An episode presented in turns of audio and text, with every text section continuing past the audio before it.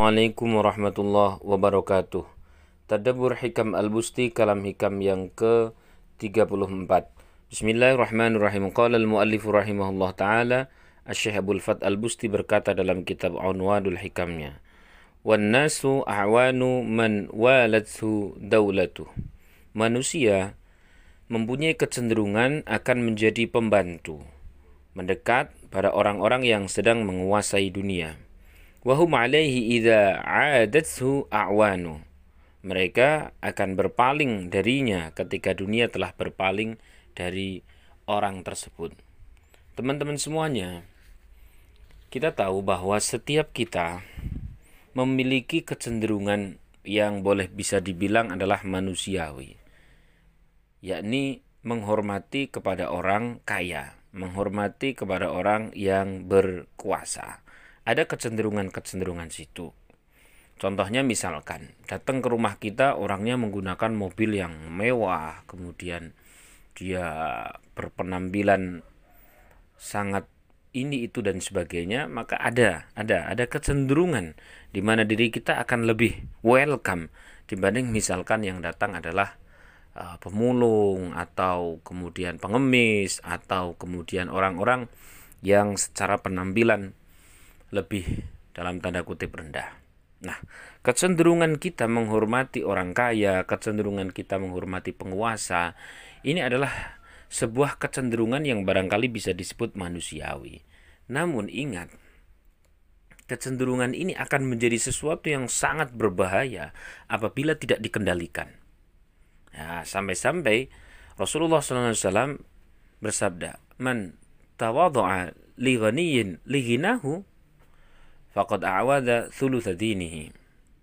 Siapa orang yang menghormati orang kaya karena kekayaannya, maka lepaslah, hilanglah eh, dua per tiga, dua per tiga agamanya. Hal ini menunjukkan bahwa betapa bahayanya apabila kita kemudian sampai menghormati orang kaya karena kekayaannya, orang menghormati orang berkuasa karena kekuasaan terhadap dunianya. Kenapa demikian sampai Rasulullah SAW memberikan warning yang sedemikian berbahaya? Jawabannya simpel. Sebab boleh jadi orang-orang tersebut akan menjadi Tuhan-Tuhan kecil untuk kita. Buktinya apa?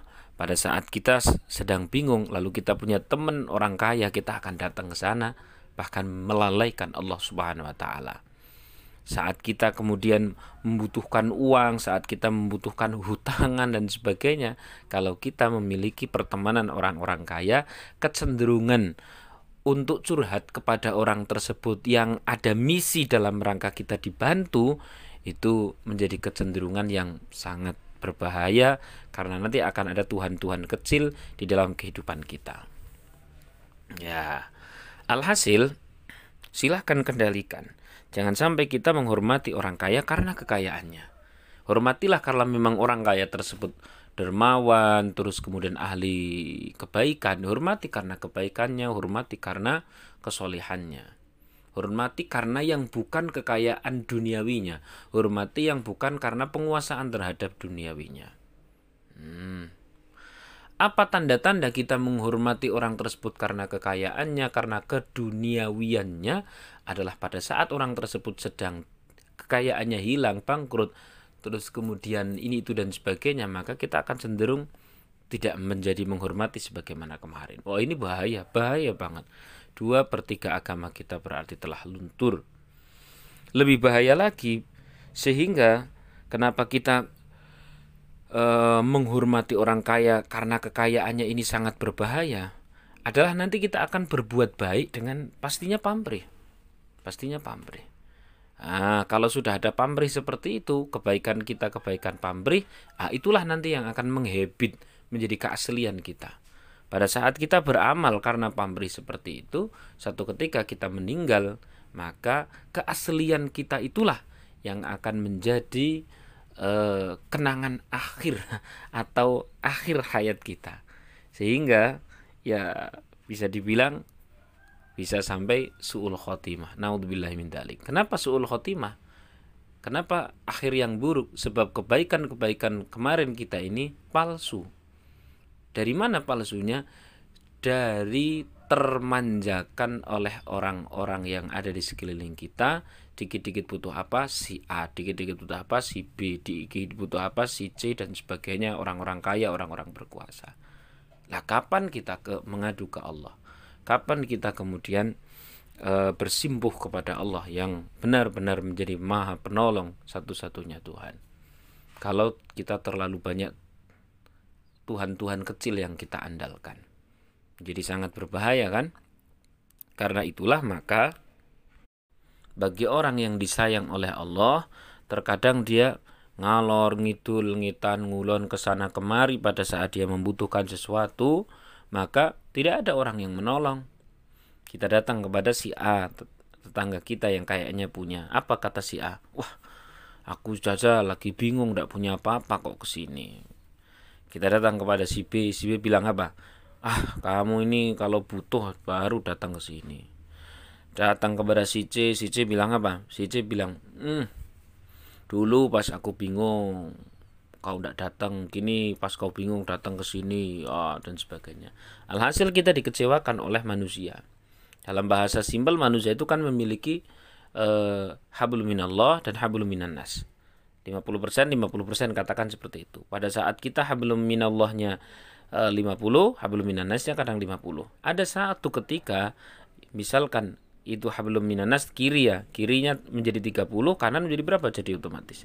Nah, harusnya ketika kiri 30 maka kanan adalah 70 ketika kiri kita hablum minannas kita misalkan 20 maka kanan menjadi 80 kiri kita e, 10 kanan menjadi 90 kiri kita 0 kanan menjadi 100%.